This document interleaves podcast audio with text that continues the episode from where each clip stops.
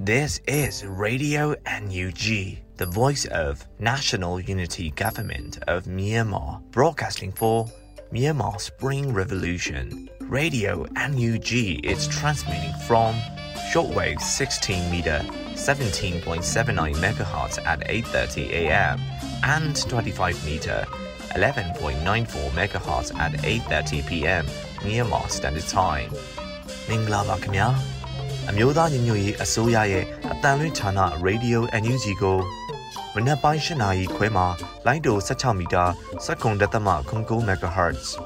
ညပိုင်း၈နာရီခွဲမှာလိုင်းတို25မီတာ17တက်သမ6 MHz တို့မှာဓာတ်ရိုက်ဖမ်းယူနိုင်နိုင်ပါပြီမင်္ဂလာအပေါင်းနဲ့ပြည့်စုံကြပါစေအခုချိန်ကစပြီး Radio NUG အစီအစဉ်တွေကိုဓာတ်ရိုက်အတန်လွှင့်ပေးနေပါပြီ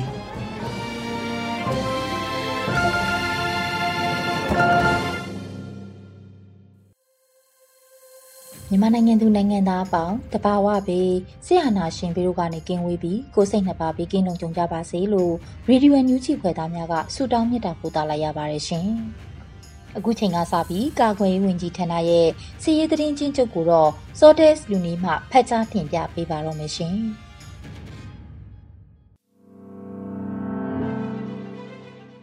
အမျိုးသားညီညွတ်ရေးဆိုရာကာကွယ်ရေးဝန်ကြီးဌာနမှနိုင်စဉ်ထုတ်ဝေတဲ့စီရေးသတင်းအကျဉ်းချုပ်များကိုစတင်တင်ပြပေးပါတော့မယ်။တရင်များရာရန်သူတပ်သားတေဆုံးသူအရေအတွက်စုံစမ်းဆဲဖြစ်ပြီးထိခိုက်ဒဏ်ရာရရှိသူအရေအတွက်ကိုလည်းစုံစမ်းဆဲဖြစ်ကြောင်းသတင်းရရှိပါရခင်ဗျာ။စစ်ကောင်စီနဲ့တိုက်ပွဲဖြစ်ပွားမှုများမှာမန္တလေးတိုင်းတွင်မတ်လ9ရက်နေ့ည7:45မိနစ်ခန့်ကမြင်းကြံမြို့နယ်ကြည်ရွာဘက်မှထွက်လာသောရန်သူတပ်အဖရက်ကားတစ်စီးနှင့်ဖော်ကားတစ်စီးတို့ကိုမြင်းကြံစီမီကုံလမ်းမပေါ်ရှိကတော်ရွာနှင့်ရွာရှိရွာကြားတွင်ဒေသခံကာကွယ်ရေးအဖွဲ့များကပူးပေါင်း၍မိုင်းဆွဲတိုက်ခိုက်ခဲ့ကြောင်းသတင်းရရှိပါရခင်ဗျာမကွေးတိုင်းတွင်မတ်လ9ရက်နေ့8:15မိနစ်ခန့်ကရေနံချောင်းမြို့နယ်ရေနံချောင်းမြို့မြို့မရဲစခန်းကိုပြည်သူ့ကာကွယ်ရေးတပ်မတော်မကွေးခရိုင်တရင်နှင့်တက်ခွဲ1ရေနံချောင်း PDF နတ်မောက်မြို့နယ်ပြည်သူ့ကာကွယ်ရေးတပ်ဖွဲ့ရေနံချောင်း Local People's Defense Force ဖေကန်ကောင်းအဖွဲ့တို့ပူးပေါင်း၍အဝေးထိန်ဖောက်ခွဲရေးမိုင်းများဖြင့်ဖောက်ခွဲတိုက်ခိုက်ခဲ့သောကြောင့်ရန်သူစခန်းအဆောက်အဦများနှင့်ရန်သူတပ်ဖွဲ့ဝင်များထိခိုက်ဒဏ်ရာရရှိနိုင်ကြောင်းသတင်းရရှိပါရခင်ဗျာစစ်ကောင်စီကျူးလွန်သောရာဇဝတ်မှုများမှာမွန်ပြည်နယ်တွင်မတ်လ9ရက်နေ့နေ့လယ်2နာရီခန့်ကရေးမြို့အခြေဆိုင်အာမတ31ခွန်မှပြစ်လိုက်သည့်လက်နက်ကြီးကြီးကြောင့်အောင်သာယာကျေးရွာသို့ကြားရောက်ပောက်ကွဲပြီးအသက်88နှစ်အရွယ်အဖွားအိုကြီးဘိုက်တွင်ပြက်ရှဒဏ်ရာရရှိခဲ့ပြီးအသက်အန္တရာယ်ဆိုးရရကြောင်းသိရှိရပါတယ်။ အောင်တော်ရရွာအနီးတွင်တိုက်ပွဲဖြစ်ပွားခြင်းမရှိဘဲရန်သူတပ်၏အမြောက်တပ်ကဥဒိယမဲ့ပြစ်ခတ်နေခြင်းဖြစ်ကြောင်းသတင်းရရှိပါရခင်ဗျာစကိုင်းတိုင်းတွင်မတ်လ၄ရက်နေ့ကကမ်ဘလူမြို့နယ်ချက်သိန်းကျေးရွာသို့ချက်သိန်းရဲစခန်းမှရန်သူတပ်သားနှင့်ပြူစောတီများကဝင်ရောက်ခဲ့ပြီးနေအိမ်ခုနှစ်လုံးကိုမိရှို့ဖျက်ဆီးသွားခဲ့ကြောင်းသတင်းရရှိပါရခင်ဗျာမတ်လ၄ရက်နေ့ကကမ်ဘလူမြို့နယ်ပင့်တာတဲပင်ကျေးရွာသို့ရန်သူတပ်သားပြူစောတီ200ကျော်ခန့်ဝင်ရောက်ခဲ့ပြီး နေအိမ်50လုံးနဲ့စပားချွေဆက်တို့ကိုမိရှို့ဖျက်ဆီးသွားခဲ့ကြောင်းသတင်းရရှိပါရခင်ဗျာမတ်လ၄ရက်နေ့ကကမ်ဘလူမြို့နယ်အောက်တဲကျေးရွာသို့ခလာရ130ခွန်မှတပ်သားများသည်ဝင်ရောက်ခဲ့ပြီးနေအိမ်နှလုံးကိုဖျက်ဆီးသွားခဲ့ကြောင်းသတင်းရရှိပါရခင်ဗျာမတ်လ၄ရက်နေ့ကရွှေဘုံမြို့နယ်ပလိုင်းရွာစာတင်ကျောင်းထဲမှရန်သူစစ်သားများနဲ့ပြူစောတီများကနေအိမ်များကိုမိရှို့ဖျက်ဆီးသွားခဲ့ကြောင်းသတင်းရရှိပါရခင်ဗျာမကွေးတိုင်းတွင်မတ်လ6ရက်နေ့မနက်10:00နာရီခန့်ကပေါက်မြို့နယ်တီးချောက်ရွာ မြောက်ရွာနှင့်ကဘာဖြူးရွာသို့ဝင်ရောက်လာခဲ့သောရန်သူတပ်ဖွဲ့ဝင်အင်အားတရာခန့်ကအကြမ်းဖက်မိရှို့ဖျက်ဆီးခဲ့သောကြောင့်ပြည်သူပိုင်နေအိမ်များမီးလောင်ပြကျသွားခဲ့ကြောင်းတင်ရရှိပါရခင်ဗျာရန်ကုန်တိုင်းတွင်မတ်လ9ရက်နေ့ညနေ9:42မိနစ်ခန့်ကလှိုင်မြို့နယ်အင်းစိန်မှလဲတန်းသို့ဦးတည်သည့်ဘူတာယုံလမ်းမှတ်တိုင်တွင်ရန်သူတပ်၏ DC နှစ်စီးပေါ်မှတပ်သားများကမီတာယုံရှိ၌ဘတ်စကာတားဆီးသည့်အသားညွညွတီရှပ်အဖြူကာကီယောင်ဘောင်းမီတို့နှင့်အရက်9ပေ9လက်မှခန့်ရှိအမျိုးသားတဦးကိုကားပေါ်တက်ကဖမ်းဆီးသွားခဲ့ကြောင်းသတင်းရရှိပါရခင်ဗျာအခုဖော်ပြလာတဲ့သတင်းများကိုမြေပြင်သတင်းတာဝန်ခံများနဲ့သတင်းဌာနများမှဖော်ပြလာသောအချက်လက်များပေါ်တွင်ခြေခံပြုစုထားခြင်းဖြစ်ပါတယ်ကျွန်တော်စောတယ်လူနေပါ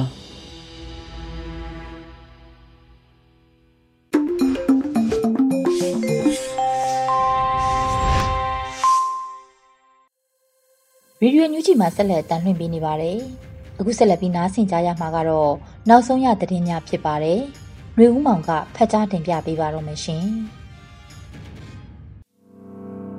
မင်္ဂလာပါခင်ဗျာ။ယခုချိန်ကစပြီး Radio NUG မနက်ခင်းပြည်တွင်သတင်းများကိုဖတ်ကြားတင်ပြပေးပါတော့မယ်။ကျွန်တော်ကတော့နှွေဦးမောင်ပါခင်ဗျာ။ဒိုင်းသားအားလုံးလိုချင်တဲ့ ကိုပိုင်ပြဋ္ဌာန်းရေးနဲ့မိမိနေရာမိမိအုပ်ချုပ်ရေးကိုအနောက်အရှက်ဖြစ်နေတာကအကြမ်းဖက်စစ်တပ်ဖြစ်တယ်လို့ယာယီသမရဒူဝါလရှိလာကပြောကြားခဲ့တဲ့သတင်းပဲဖြစ်ပါတယ်။ဒိုင်းသားအားလုံးလိုချင်တဲ့ကိုပိုင်ပြဋ္ဌာန်းရေးနဲ့မိမိနေရာမိမိအုပ်ချုပ်ရေးကိုအနောက်အရှက်ဖြစ်နေတာကအကြမ်းဖက်စစ်တပ်ဖြစ်တယ်လို့မက်စလာအတွင်းတွေ့ဆုံမင်းမြန်ခန့်တစ်ခုမှာယာယီသမရဒူဝါလရှိလာကပြောပါတယ်။ ကျွန်တော်တို့ဒေါ်လာရေး290ကျော်လုံးမှာဒိုင်းသားအားလုံးလိုချင်တာကကိုပိုင်ပြဋ္ဌာန်းရေးမိမိနေရာမိမိအုပ်ချုပ်ရေးကိုအနောက်အရှက်ဖြစ်နေတာကစစ်တပ်ဖြစ်ပါတယ်။ဒီစစ်တပ်ရှိနေသမျှပြည်သူလူထုအားလုံးမျှော်မှန်းတဲ့ Federal Democracy မထူထောင်နိုင်ပါဘူး။အဲ့ဒီတော့အရေးအကြီးဆုံးကစစ်တပ်ကိုကျွန်တော်တို့ဖယ်ရှားဖို့ဖြစ်ပါတယ်လို့ဆိုပါတယ်။2021ခုနှစ်ဖေဖော်ဝါရီလ1ရက်နေ့မှာစစ်တပ်ဟာနိုင်ငံတော်အာဏာကိုလူယူအကြမ်းဖက်ခဲ့ပြီးနိုင်ငံတော်အကြီးအကဲများကိုဖမ်းဆီးချုပ်နှောင်ခဲ့ပါတယ်။ လက်ရှိမှာအချမ်းဘတ်စစ်တပ်ဟာလူပေါင်း3000ကျော်ကိုတပ်ဖြတ်ခဲ့ပြီးလူပေါင်း1000ကျော်ကိုဖမ်းဆီးချုပ်နှောင်ခဲ့ပါတယ်ခင်ဗျာဆက်လက်ပြီးရီမန်းထားတဲ့အချိန်ကာလအတွင်းဒေါ်လာရေးအမြန်ဆုံးပြီးဆုံးအောင်မြင်ဖို့အရေးကြီးတယ်လို့ပြည်ထောင်စုဝန်ကြီးချုပ်ကပြောကြားခဲ့တဲ့သတင်းကိုတင်ဆက်ပေးပါမယ်။ ရည်မှန်းထားတဲ့အချိန်ကာလအတွင်းဒေါ်လာရေးအမြန်ပြီးဆုံးအောင်မြင်ဖို့အရေးကြီးတယ်လို့ပြည်ထောင်စုဝန်ကြီးချုပ်မန်းဝင်းခိုင်တန်းကမတ်လ6ရက်ပြည်ထောင်စုအဆင့်တယံဇာတစီမံအုပ်ချုပ်မှုအဖွဲ့၏တက်မြင့်ဆောင်2023အစည်းအဝေးကျင်းပရာမှာပြောခဲ့ပါတယ်။ဒေါ်လာရေးကာလကြားလေးလေး ပြည်သူတွေနစ်နာဆုံးရှုံးမှုများလေလေဖြစ်တဲ့အတွက်မိမိတို့ရည်မှန်းထားတဲ့အချိန်ကာလအတွင်းဒေါ်လာရေးအမြန်ပြီးဆုံးအောင်မြင်ဖို့အချိန်ကိုက်ဆောင်ရွက်နိုင်ဖို့အင်မတန်အရေးကြီးကြောင်းမိမိတို့ဖြတ်တန်းခဲ့တဲ့ဒေါ်လာရေးနှစ်နှစ်တာကာလအတွင်းမှာရင်ဆိုင်တွေ့ကြုံခဲ့ရတဲ့အခက်အခဲများကိုခွန်အားအဖြစ်ပြောင်းလဲအသုံးချကာဒေါ်လာရေးအောင်မြင်သည့်အထိမဆုတ်မနစ်သောဇွဲလုံးသားတို့ဖြင့်အားလုံးအတူလက်တွဲကြိုးပမ်းသွားကြဖို့တိုက်တွန်းလိုကြောင်းပြောကြားခဲ့ပါတယ်။ ဆက်လက်၍ပြည်ထောင်စုအဆင့်တယံဇာတစီမံအုပ်ချုပ်မှုအဖွဲ့အတွင်းရေးမှူးမှ6မြင်းဆောင်2022ကြိမ်မြောက်အစည်းအဝေးဆုံးဖြတ်ချက်ဆောင်ရွက်ပြီးစီးမှုများနဲ့ရှေ့လုပ်ငန်းစဉ်ဆောင်ရွက်ပြီးစီးမှုများကိုတင်ပြခဲ့ပါတယ်။အစည်းအဝေးသို့ ကာကွယ်ရေးဝန်ကြီးဌာနပြည်ထရေးနဲ့လူဝင်မှုကြီးကြပ်ရေးဝန်ကြီးဌာနစီမံကိန်းဗန္နာရေးနဲ့ရင်းနှီးမြှုပ်နှံမှုဝန်ကြီးဌာနတရက်စစ်နဲ့စွမ်းအင်ဝန်ကြီးဌာနတယံဇာတာနဲ့တဘာဝပတ်ဝန်းကျင်ထိန်းသိမ်းရေးဝန်ကြီးဌာနတို့မှဝန်ကြီးများဒုဝန်ကြီးများအတွင်းဝန်များကိုယ်စားလှယ်အဖွဲ့ဝင်များပြည်ထောင်စုဝန်ကြီးချုပ်ရုံးမှအတွင်းဝင်နဲ့ရုံးအဖွဲ့များတက်ရောက်ခဲ့ကြပါတယ်ခင်ဗျာ ဆက်လက်ပြီးနိုင်ငံသားရေးဝန်ကြီးဒေါ်စင်မအောင်၏ UK ခီးစဉ်နဲ့ American ပြည်အောင်စုခီးစဉ်များထုတ်ပြန်ခဲ့တဲ့သတင်းကိုတင်ဆက်ပေးပါမယ်။နိုင်ငံသားရေးဝန်ကြီးဒေါ်စင်မအောင်၏ UK ခရီးစဉ်နဲ့ American ပြည်ထောင်စုခရီးစဉ်များကိုမတ်လ6ရက်နေ့မှာ NUG နိုင်ငံသားရေးဝန်ကြီးဌာနကအသိပေးထုတ်ပြန်ပါတယ်။ နိုင်ငံခြားရေးဝန်ကြီးဌာနပြည်ထောင်စုဝန်ကြီးဒေါ်စင်မအောင်သည်ဖေဖော်ဝါရီလအတွင်း UK နိုင်ငံနှင့် American ပြည်ထောင်စုတို့ခရီးစဉ်များတွားရောက်ခဲ့ပြီးနိုင်ငံခြားရေးဝန်ကြီး၏ခရီးစဉ်များအတွင်းတွင်တပ်ဆိုင်ရာနိုင်ငံများမှတာဝန်ရှိပုဂ္ဂိုလ်များနိုင်ငံခြားဝန်ကြီးဌာနများမှဝန်ကြီးဒုဝန်ကြီးနှင့်အခြားသောတာဝန်ရှိသူများလွှတ်တော်အမတ်များနှင့်တွေ့ဆုံဆွေးနွေးခဲ့တယ်လို့ဖော်ပြပါသည်။ နိုင်ငံသားရေးဝန်ကြီးဒေါ်စင်မအောင်သည် UK နိုင်ငံသို့ပထမဆုံးအကြိမ်တွားရောက်ခဲ့ခြင်းဖြစ်ပြီး American ပြည်ထောင်စုသို့ဒုတိယအကြိမ်တွားရောက်ခဲ့ခြင်းဖြစ်ပါတယ်။ နိုင်ငံသားရေးဝန်ကြီးဟာဖေဖော်ဝါရီလ6ရက်နေ့က UK နိုင်ငံသားရေးဝန်ကြီး Secretary of State for Foreign Commonwealth and Development Affairs James Cleverly နဲ့ UK နိုင်ငံသားရေးဝန်ကြီးရုံးခန်းတွင်တွေ့ဆုံခဲ့ပြီးထို့သောတွေ့ဆုံရာတွင်နိုင်ငံသားရေးဝန်ကြီးဒေါ်စင်မအောင်အနေဖြင့် UK နိုင်ငံ၏အသစ်ချမှတ်လိုက်သောစီးပွားရေးအရေးယူပိတ်ဆို့မှုများနဲ့ UNSC တွင် UK နိုင်ငံ၏ဦးစီးဦးဆောင်ပြုမှုများအားကျေးဇူးတင်ရှိပါကြောင်းပြောကြားခဲ့တယ်လို့ဆိုပါတယ်။ နိုင်ငံသားရေးဝန်ကြီးဒေါ်စင်မအောင်သည် UK နိုင်ငံခီးစဉ်အတွင်းလွှတ်တော်အမတ်များနဲ့တွေ့ဆုံခဲ့ရာ Labour Party မှလွှတ်တော်အမတ်နဲ့ All Party Parliamentary Group on Burma အဖွဲ့၏ဥက္ကဋ္ဌလည်းဖြစ်သူ Rashanara Ali နဲ့ဖေဖော်ဝါရီလ6ရက်နေ့ကတွေ့ဆုံခဲ့ပြီးထို့သောတွေ့ဆုံရာတွင်မြန်မာနိုင်ငံရှိလူနည်းစုများအခွင့်အရေးအပါအဝင် အခြားသောအကြောင်းအရာများကိုဆွေးနွေးခဲ့ပါတယ်။ နိုင်ငံခြားရေးဝန်ကြီးဒေါ်စင်မအောင်သည် Labor Party လွှတ်တော်အမတ်နဲ့ Shadow Minister for Asia and the Pacific ဖြစ်သူ Catherine Watts နဲ့လည်းဖေဖော်ဝါရီလ6ရက်နေ့ကဆက်လက်တွေ့ဆုံခဲ့ပြီးအဆိုပါတွေ့ဆုံမှုတွင်မြန်မာ့နေဦးဒေါ်လာရေးအတွက် UK ပါလီမန်မှဘုံမိုတိုးမြင့်ထောက်ခံရေးနဲ့လူသားချင်းစာနာထောက်ထားမှုဆိုင်ရာကိစ္စရပ်များကိုဆွေးနွေးခဲ့ပါတယ်။ နိုင်ငံခြားရေးဝန်ကြီးဒေါ်စင်မအောင်သည်ဖေဖော်ဝါရီလ23ရက်နေ့ဝါရှင်တန် DC ရှိအမျိုးသားညီညွတ်ရေးအစိုးရနိုင်ငံခြားရေးဝန်ကြီးဌာန၏ရုံးခွဲဖွင့်လှစ်ခြင်းအခမ်းအနားသို့တက်ရောက်လာသည့်အမေရိကန်ပြည်ထောင်စုလက်ထောက်နိုင်ငံခြားရေးဝန်ကြီးဦးစရာဇေယျနှင့်တွေ့ဆုံ၍နှုတ်ဆက်စကားပြောကြားခဲ့ပြီးဖေဖော်ဝါရီလ14ရက်နေ့တွင်အမေရိကန်ပြည်ထောင်စုဒုနိုင်ငံခြားရေးဝန်ကြီးဝန်ဒီရှမန်နှင့်တွေ့ဆုံခဲ့တယ်လို့ဖော်ပြပါတယ်ခင်ဗျာဆက်လက်ပြီးတော့ ပြည်သူ့ရဲတပ်ဖွဲ့နဲ့ပြည်သူ့လုံခြုံရေးအဖွဲ့များတိုးချဲ့ဖွဲ့စည်းရန်လိုအပ်တယ်လို့ပြည်ထရေးဝန်ကြီးကပြောကြားခဲ့တဲ့သတင်းကိုတင်ပြပေးပါမယ်။ပြည်သူ့ရဲတပ်ဖွဲ့နဲ့ပြည်သူ့လုံခြုံရေးအဖွဲ့များတိုးချဲ့ဖွဲ့စည်းရန်လိုအပ်တယ်လို့ပြည်ထရေးဝန်ကြီးဦးနေကိုလက်ကပြောပါတယ်။မတ်လ6ရက်ကျင်းပတဲ့ပြည်ထရေးနဲ့လူဝင်မှုကြီးကြပ်ရေးဝန်ကြီးဌာနနဲ့မြို့နယ်ပြည်သူ့အုပ်ချုပ်ရေးအဖွဲ့များတွိတ်ဆုံဆွေးနွေးပွဲမှာဝန်ကြီးကပြောပါတယ်။ ယခုအချိန်ဒီစစ်ရေးအရာနိုင်ငံရေးအရာဆောင်ရွက်နေသည့်အတွက်စစ်ရေးဘက်၌ကာကွယ်ရေးဝန်ကြီးဌာနမှအချိန်အဟုန်တိုးမြင့်၍လုပ်ငန်းများဆောင်ရွက်နေကြောင်းတိုးချဲ့နေမြေများရရှိရေးနှင့်ထိန်းချုပ်နေမြေများ၌နေမြေများကိုခိုင်ခိုင်မာမာထိန်းချုပ်ရန်နှင့်ပြည်သူ့ဝန်ဆောင်မှုလုပ်ငန်းများဆောင်ရွက်ရေးသည့်အရေးကြီးကြောင်းပြည်သူ့ရဲတပ်ဖွဲ့နှင့်ပြည်သူ့လုံခြုံရေးအဖွဲ့များတိုးချဲ့ဖွဲ့စည်းနိုင်ရန်လိုအပ်ကြောင်းဝန်ကြီးကဆိုပါသည်ဆက်လက်၍ပြည်ထရေးနှင့်လူဝင်မှုကြီးကြပ်ရေးဝန်ကြီးဌာနအမြဲတမ်းအတွင်းဝင်မှ ဝန်ကြီးဌာန၏လုပ်ငန်းဆောင်ရွက်ချက်များအပေါ်ရှင်းလင်းခဲ့ပြီးပြည်သူ့အုပ်ချုပ်ရေးဦးစီးဌာနဒုတိယညွှန်ကြားရေးမှူးချုပ်မှရုံးလုပ်ငန်းဆိုင်ရာလမ်းညွှန်ချက်အားရှင်းလင်းပြောကြားခဲ့ပြီးနောက်မြို့နယ်ပြည်သူ့အုပ်ချုပ်ရေးအဖွဲ့ဝင်များမှမူဝါဒလမ်းညွှန်ချက်များမြေပြင်အုပ်ချုပ်ရေးဆောင်ရွက်နေမှုများကြုံတွေ့နေရသည့်အခက်အခဲများကိုမေးမြန်းဆွေးနွေးရာဝန်ကြီးဘက်ကတာဝန်ရှိသူများမှပြန်လည်ဖြေကြားခဲ့ပါတယ်။ အစည်းအဝေးသို့ပြည်အောင်စုဝန်ကြီးဦးလွင်ကိုလက်မှဦးဆောင်ကအမြဲတမ်းအတွင်းဝင်တွဲဖက်အတွင်းဝင်ပြည်သူ့အုပ်ချုပ်ရေးဦးစီးဌာနပြည်သူ့ရဲတပ်ဖွဲ့မိသက်ဦးစီးဌာနလူဝင်မှုကြီးကြပ်ရေးဦးစီးဌာနအထူးစုံစမ်းထောက်လှမ်းရေးဦးစီးဌာနတို့မှတာဝန်ရှိသူများစကိုင်းတိုင်းမကွေးတိုင်းပဲခူးတိုင်းတနင်္သာရီတိုင်းအေရဝတီတိုင်းရန်ကုန်တိုင်းမန္တလေးတိုင်းတို့မှပြည်သူ့အုပ်ချုပ်ရေးအဖွဲ့ဝင်များတက်ရောက်ခဲ့ပါတယ်ခင်ဗျာ။ ဆက်လက်ပြီးစစ်တုံးမှန်းများကိုဂိုင်းတွယ်ရာတွင်လည်းလူအခွင့်အရေးများအားထိခိုက်မှုမရှိစေဘဲဂိုင်းတွယ်ရန်လိုအပ်တယ်လို့လူအခွင့်အရေးဝန်ကြီးကဆိုခဲ့တဲ့သတင်းကိုတင်ဆက်ပေးပါမယ်။စစ်တုံးမှန်းများကိုဂိုင်းတွယ်ရာတွင်လည်းလူအခွင့်အရေးများအားထိခိုက်မှုမရှိစေဘဲဂိုင်းတွယ်ရန်လိုအပ်တယ်လို့လူအခွင့်အရေးဆိုင်ရာဝန်ကြီးဦးအောင်မျိုးမင်းကဆိုပါတယ်။မတ်လ9ရက်အမျိုးသားညီညွတ်ရေးအစိုးရတရားရေးဝန်ကြီးဌာနနဲ့လူအခွင့်အရေးဆိုင်ရာဝန်ကြီးဌာနတို့တွဲဆုံဆွေးနွေးခြင်းအစည်းအဝေးအခမ်းအနားမှာဝန်ကြီးကအထက်သွင်းပြောပါတယ်။ လူခွေရေးနဲ့ဆက်ဆိုင်သောဗဟုသုတများကိုပေးနေရာတရားရုံးဝန်ထမ်းများအားလည်းထိုဗဟုသုတများအားဝေမျှလိုကြောင်းအချုပ်ထောင်များစစ်တုံးမှန်းများကိုဂိုင်းတွယ်ရာတွင်လည်းလူအခွင့်အရေးများအားထိခိုက်မှုမရှိစေဘဲဂိုင်းတွယ်ရန်လိုအပ်ရာ MOJ နဲ့ MOHR သည်ပူးပေါင်းဆောင်ရွက်ရန်လိုအပ်လာကြောင်းမိမိတို့ဝန်ကြီးဌာနနှစ်ခုအကြားချိတ်ဆက်ပူးပေါင်းဆောင်ရွက်နိုင်သည့်နယ်ပယ်၄ရက်ပါရှိကြောင်းဆိုခဲ့ပါတယ်။ ဆက်လက်၍တရားရေးဌာနပြည်ထောင်စုဝန်ကြီးဦးသိန်းဦးမှတရားရေးဝန်ကြီးဌာနအနေဖြင့်မြန်မာနိုင်ငံတွင်ရှိသောအကျဉ်းထောင်များအားပြုပြင်ပြောင်းလဲရေးအတွက်လှုပ်ဆောင်စရာများများစွာရှိနေပါကြောင်းထိုကိစ္စများတွင်လူ့ခွင့်ရေးဆိုင်ရာဝန်ကြီးဌာနနှင့်မိမိတို့တရားရေးဝန်ကြီးဌာနတို့ကြားပူးပေါင်းဆောင်ရွက်ရမည်ဖြစ်ပါကြောင်းဆွေးနွေးချက်အပေါ်ဝန်ကြီးဌာနနှစ်ခုမှတာဝန်ရှိသူများမှပြန်လည်ရှင်းလင်းဆွေးနွေးခဲ့ကြပါတယ်ခင်ဗျာ ဆက်လက်ပြီးအသက်ခံခဲ့ရသောစကိုင်းမြို့နယ်တာတိုင်ရွာမှအမျိုးသမီး၃ဦး၏ကျန်းရစ်မိသားစုထံ NUG အစိုးရကစာနာမှုအကူအညီများကိုလက်ရောက်ပေးရခဲ့တဲ့တဲ့တင်အားတင်ဆက်ပေးပါမယ်။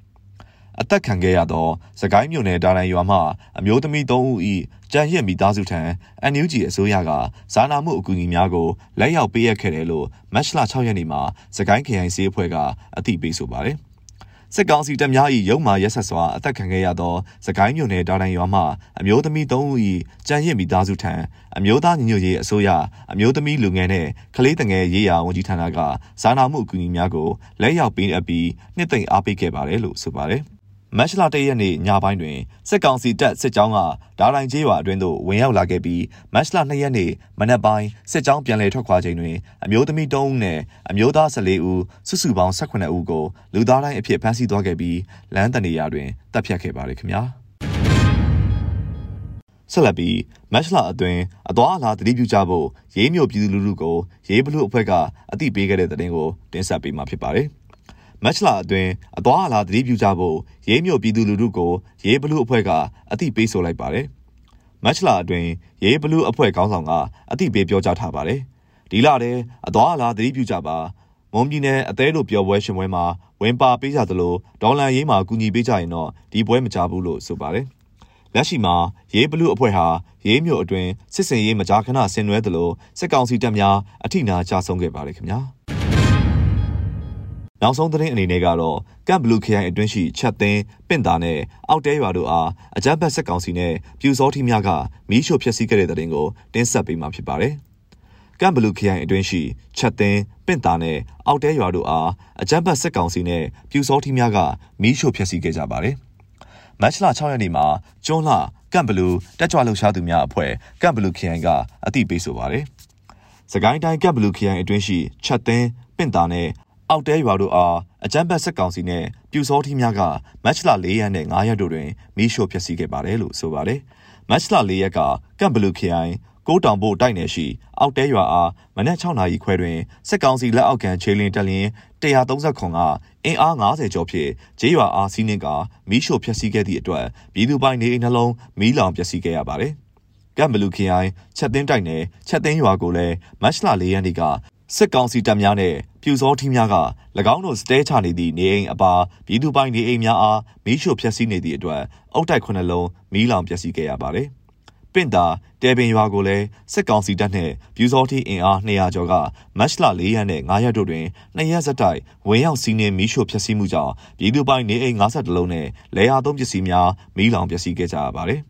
လက်ရှိတွင်အကြမ်းဖက်စစ်ကောင်စီနှင့်၎င်းတို့လက်နက်တပ်ဆင်ပေးထားသည့်ပြူစောထီများကကိုးတောင်ပို့ချက်သင်းနှင့်ပင့်တာတိုက်နယ်အတွင်းစစ်ကြောင်းထိုးပစ်ခတ်မီးရှို့မှုများဇက်တိုက်ပြုလုပ်နေသည့်အတွက်ရင်းတိုက်နယ်များမှဒေသခံအပြစ်မဲ့ပြည်သူ3000ကျော်အိုးအိမ်ဆွန့်ခွာကဘေးလွရာသို့ထွက်ပြေးတိမ်းရှောင်နေကြရပါတယ်ခင်ဗျာ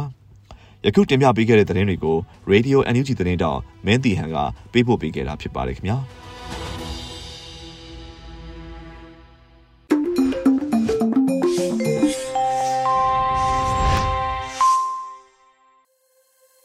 ရေဒီယိုညူဂျီကိုနားတော်တာဆင်နေတဲ့ပရိသတ်များရှင်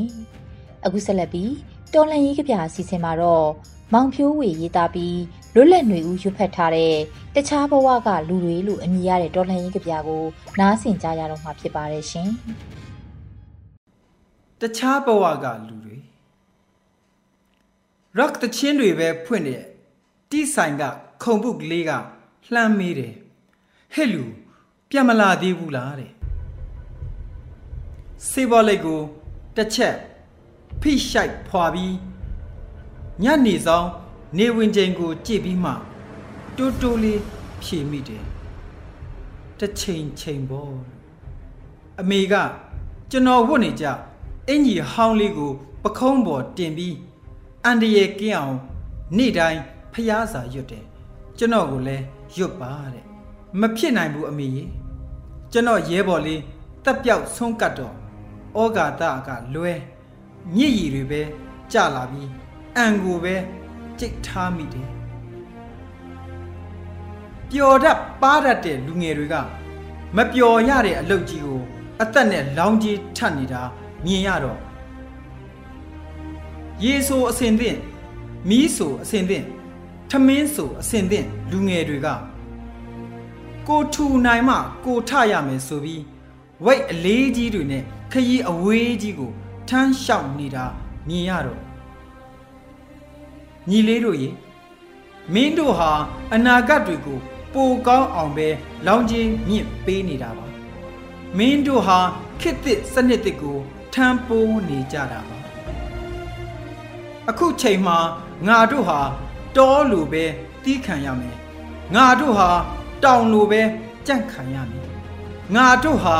တစ်ပင်တွေလိုအထီးကျန်စွာစိမ့်လန့်ရမယ်ငါတို့ဟာစမ်းရည်ပေါက်တွေလိုတိတ်ဆိတ်စွာစီးဆင်းရမယ်လားသူတို့ကပြန်ပြောတယ်တခါတလေကျွန်တော်တို့ကတရေတစီတွေလိုပဲတဲ့ကျွန်တော်တို့ကတခြားကဘာကဂျိုသားတွေအလားပဲတဲ့စွန့်လွတ်ချင်းနဲ့ပေးဆက်ချင်းဟာစကားတဲ့ထဲ့ပြောမခံရတာဒီနိုင်ငံရဲ့ဒလိ ထုံးစံပါပဲမလားကျွန်တော်တို့မပျော်ပါဘူးတော်ရမှာပဲနေတက်အောင်ကြိုးစားပါတယ်ကျွန်တော်တို့မလွမ်းတော့ပါဘူးပြန်ဆုံမှအတိုးချပြီးပဲချစ်ပြတော့မယ်ရှင်တန်ဖို့စ조사ရတဲ့အလုပ်မှာကျွန်တော်တို့ပြုံးနေပါတယ်မောင်ဖြိုး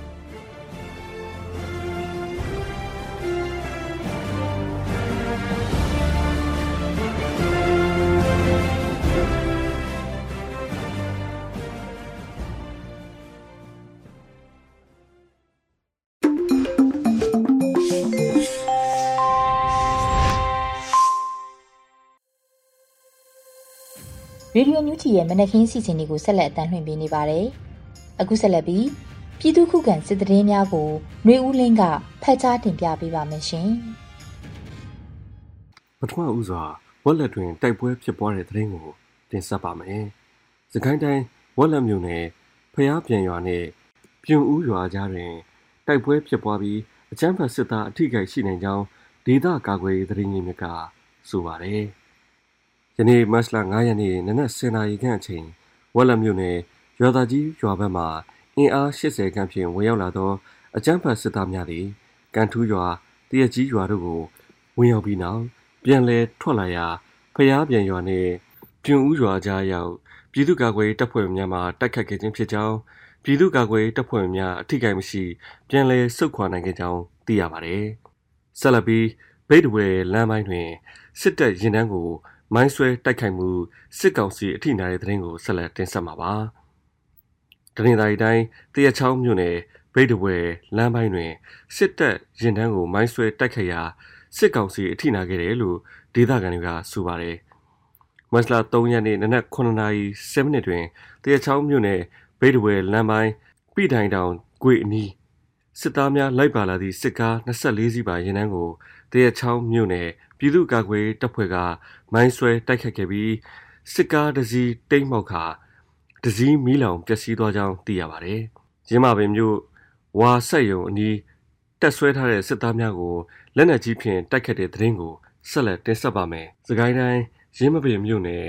ရင်းမပင်မြို့ထွေးရုံအနီးရှိဝါဆက်ယုံနီးတွင်စုဝေးနေသောအကြမ်းဖက်စစ်သားများကိုလက်နက်ကြီးများဖြင့်တိုက်ခတ်ရာအကြမ်းဖက်စစ်သား2ဦးသေဆုံးခဲ့ကြောင်း ဒေသခံကာကွယ်တပ်ကဆိုပါတယ်။ဂျမနီမတ်လ4ရက်နေ့ည9:00နာရီခန့်စတွင်၍ရင်းမပင်မြို့စုပေါင်းအနီးရှိဝါဆက်ယုံနီးတွင်အကြမ်းဖက်စစ်သားများစုဝေးနေကြောင်းသတင်းရရှိသဖြင့်ပြည်သူ့ကာကွယ်တပ်ပေါင်းစုတပ်ဖွဲ့မှလက်နက်ကြီးများဖြင့်တွားရောက်တိုက်ခတ်ခဲ့ရာစစ်တနာရီခွဲခန့်အထိကြာမြင့်ခဲ့ကြောင်းအကြမ်းဖက်စစ်တပ်မှလည်း60မမလက်နက်ကြီး6လုံးဖြင့်ပြန်လည်ပစ်ခတ်တိုက်ခတ်ခဲ့ကြောင်းသိရပါတယ်။နောက်ဆုံးအနေနဲ့ မြိုင်မြို့နယ်တွင်ရိတ်ခါတည်သွားသည့်စစ်ကောင်စီဝင်နှင့်ပြူစောထီများကိုတိုက်ခိုက်မှုစစ်ကောင်စီဝင်6ဦးသေဆုံးပြီးလက်နက်ခဲယမ်းချို့တင်စီနိုင်ခဲ့တဲ့တဲ့ရင်ကိုဆက်လက်တင်ဆက်မှာပါ။မကွေးတိုင်းမြောင်မြို့နယ်ရိတ်ခါတည်သွားသောအကြမ်းဖက်စစ်ကောင်စီတပ်သားများနဲ့ပြူစောထီများကိုမတ်လ၄ရက်နေ့တွင်ကြားဖြတ်တိုက်ခတ်ခဲ့ရာစစ်ကောင်စီ6ဦးသေဆုံးကြောင်းမျက်မြင်တွေ့သူကဆိုပါတယ်။စစ်စင်ရေးတိုက်ပွဲသည်နှစ်ဖက်ညံ့အနေထားဖြစ်တော်လဲ တော်လိုင်းရဲဝင်များကအန်ရများသည့်ကြားမှာဖြစ်အောင်လှုပ်ဆောင်ခဲ့ခြင်းဖြစ်ပြီးစစ်ကောင်စီဝင်များ၏လက်နက်ခဲယမ်းအချို့ကိုတင်စီရမိခဲ့ကြောင်းတော်လိုင်းရဲဘော်များအထိကိမရှိ ပြန်လည်ဆုတ်ခွာနိုင်ခဲ့ကြောင်းသိရပါတယ်ခင်ဗျာ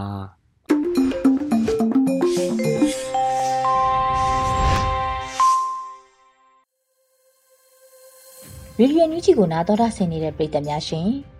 အခုနောက်ဆုံးအနေနဲ့ PPTV ရဲ့နေ့စဉ်သတင်းများကိုတော့ ထက်ထက်အင်ဒရာအောင်ကဖတ်ကြားတင်ပြပေးပါတော့မယ်ရှင်အခုချိန်ကစပြီး PPTV သတင်းတွေကိုတင်ဆက်ပြီးတော့မှာပါကျမထက်ထက်အင်ဒရာအောင်ပါ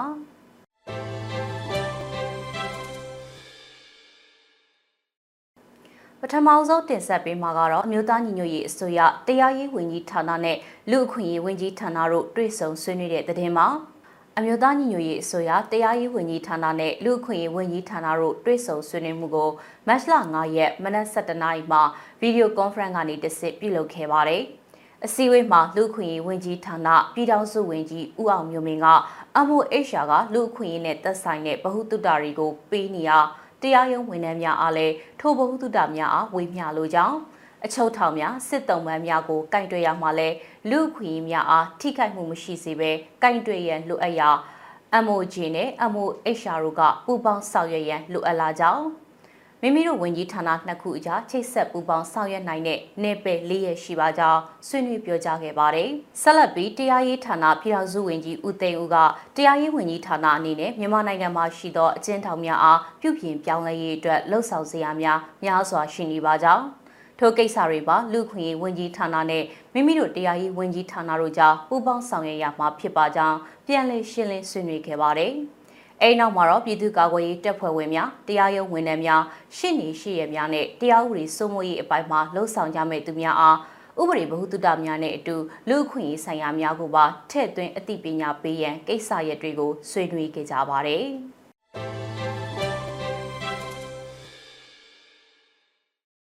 အခုတင်ဆက်ပေးမှာကတော့အရတော်မြို့နယ်မှာအကြမ်းဖက်စစ်တပ်ကြောင့်မိဘေးတင်ခဲ့တဲ့ရွာ၃ရွာကိုပြည်သူ့အုပ်ချုပ်ရေးအဖွဲ့ကထောက်ပံ့ကူညီတဲ့တဲ့မှာ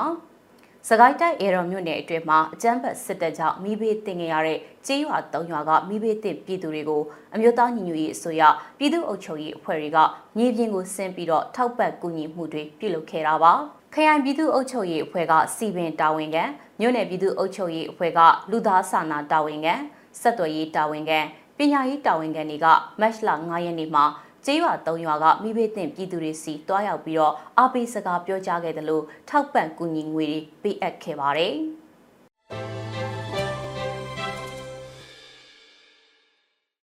ဆက်လက်တင်ဆက်ပေးချင်တာကတော့အာဆီယံအနေနဲ့အမျိုးသားညီညွတ်ရေးအစိုးရပြည်ထောင်စုလွှတ်တော်ကိုစားပြုကော်မတီတို့နဲ့တရဝင်းတွေ့ဆုံဆွေးနွေးဖို့အာဆီယံပါလီမန်အမတ်တွေကိုတိုက်တွန်းလိုက်တဲ့သတင်းမှာ အမျိုးသားညီညွတ်ရေးအစိုးရနဲ့မြန်မာပြည်သူလူထုကတရဝင်းရွေးကောက်တင်မြှောက်ထားတဲ့ပြည်ထောင်စုလွှတ်တော်ကိုစားပြုကော်မတီတို့ကိုမြန်မာကိုစားပြုအနေနဲ့အတိအမှတ်ပြုဖို့နဲ့ရှေ့လာပဲဆွေးနွေးမှုတွေမှာပါဝင်ဆွေးနွေးရပဲလို့လူ့ခွင့်ရေးဆိုင်ရာအာဆီယံပါလီမန်အမတ်များအဖွဲ့ကပြောကြားလိုက်ပါတယ်။တကယ်လုံးဝမှာကမြန်မာစစ်တပ်ကိုပိုပြီးပြင်းထန်တဲ့ဖိအားပေးပြီးတော့ အမျိုးသားညီညွတ်ရေးအစိုးရနဲ့ဒီမိုကရေစီအင်အားစုတွေဘက်ကခိုင်ခိုင်မာမာရည်တည်ရမှာဖြစ်ပါတယ်လို့လူ့အခွင့်အရေးဆိုင်ရာအာဆီယံပါလီမန်အမတ်များအဖွဲ့ရဲ့တွဲဘက်ဥက္ကဋ္ဌဖြစ်သူကပြောပါတယ်။မြန်မာနိုင်ငံဟာအာဆီယံတွေထဲမှာလွတ်တော်ကိုယ်စားလှယ်တွေအတွက်အန္တရာယ်အရှိဆုံးနိုင်ငံဖြစ်ပြီးတော့ပြည်ထောင်စုနဲ့တိုင်းဒေသကြီးနဲ့ပြည်내လွတ်တော်ကိုယ်စားလှယ်84ယောက်အဖမ်းခံထားပြီးတော့လွတ်တော်ကိုယ်စားလှယ်ဦးဖြိုးစရာတော်နဲ့တခြားနိုင်ငံရေးသမား3ယောက်ကိုကြိုးပေးတက်ဖြတ်ခဲ့တာတွေရှိတယ်လို့ဆိုပါတယ်။ နိုင်ငံရေးအကျဉ်းသားများကိုညီဆောက်ရှောက်ရေးအဖွဲ့ AAPP ရဲ့အဆိုအရစစ်တပ်အာဏာသိမ်းပြီးတဲ့နောက်ပိုင်းအကြမ်းဖက်စစ်တပ်ကပြည်သူ3085ဦးကိုတပ်ဖြတ်ခဲ့ပြီးတော့နိုင်ငံရေးအကျဉ်းသား16000လောက်ကိုဖမ်းဆီးခဲ့ပါတယ်။ဒါအပြင်လူပေါင်း1.3တန်းလောက်နေအိမ်တွေကိုစွန့်ခွာပြီးတော့ထွက်ပြေးနေရပါတယ်။ ပိုးပြည်သူတွေကိုအကြမ်းဖက်စစ်ကောင်စီကလူသားတိုင်းလက်ကင်တုပ်အဖြစ်အသုံးပြုနေတာကိုလက်မခံဘဲရုံးထွက်ကြဖို့ PNFC ဥက္ကဋ္ဌမြစ်တာရက်ခန့်တဲ့သတင်းကိုလည်းတင်ဆက်ပေးပါမယ်။အကြမ်းဖက်စစ်ကောင်စီကပိုးပြည်သူတွေကိုလူသားတိုင်းအဖြစ်အသုံးပြုခြင်းလက်ကင်တုပ်အနေနဲ့အသုံးချနေခြင်းများရှိကြောင်းပို့မျိုးသားဖက်ဒရယ်ကောင်စီ PNFC ရဲ့ဥက္ကဋ္ဌဦးခွန်မြင့်ထွန်းကပြောပါရယ် မတ်လ9ရက်တပေါင်းလပြည့်နေ့မှာကြာရောက်တဲ့ပို့မျိုးသားနေ့အခမ်းအနားမှာ PNFC ဥက္ကဋ္ဌကမိန့်ခွန်းပြောကြားခဲ့ရာအခုလိုမျိုးပြောကြားခဲ့တာလေးဖြစ်ပါတယ်။အကြမ်းဖက်စစ်ကောင်စီအနေနဲ့ပို့အချင်းချင်းကြားပြိပခါရီဖန်တီးပေးနေတယ်လို့ပို့နဲ့ကရင်နီအပါအဝင်တခြားတိုင်းရင်းသားတွေအကြားသွေးခွဲရန်တိုက်တာတွေလှုပ်ဆောင်နေတယ်လို့ဥခွန်မြင့်ထွန်းကပြောပါတယ်။ပိုးပြည်သူတွေကိုကျွန်တော်တို့ပန်ကြားချင်တာကတော့စစ်အာဏာရှင်တွေဟာသူတို့အကျိုးစီးပွားအတွက်ကျွန်တော်တို့ပို့ပြည်သူတွေကို လူသားတိုင်းတွေလက်ကင်တုပ်တွေအဒီနဲ့အတုံးချနေရကနေရှောင်ရှားရုံထွက်ကြဖို့အတွက်ကိုလည်းဒီနေရာကနေပြီးတော့ပတ်ကြားခြင်းပါတယ်လို့ဥခွန်မြင့်ထုံးကပြောပါတယ်အကြမ်းဖက်စစ်ကောင်စီဟာပိုးပြည်သူစစ်ဖြစ်တဲ့ PNO PNA ကိုကရင်နီရှမ်းနယ်စပ်စစ်စင်ရေးတွေမှာအသုံးပြုနေတာတွေလည်းရှိပါတယ်မတရားမှုကိုစန့်ကျင်သောတွေဥပန်းများပွင့်လန်းပြီး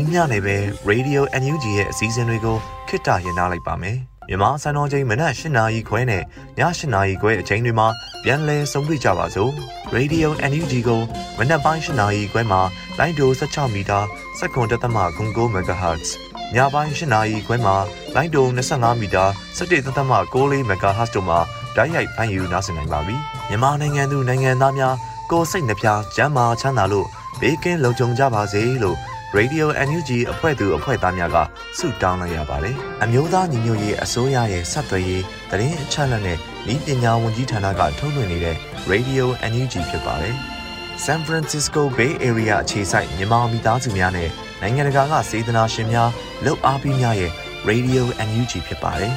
။အရေးတော်ပုံအောင်ရမည်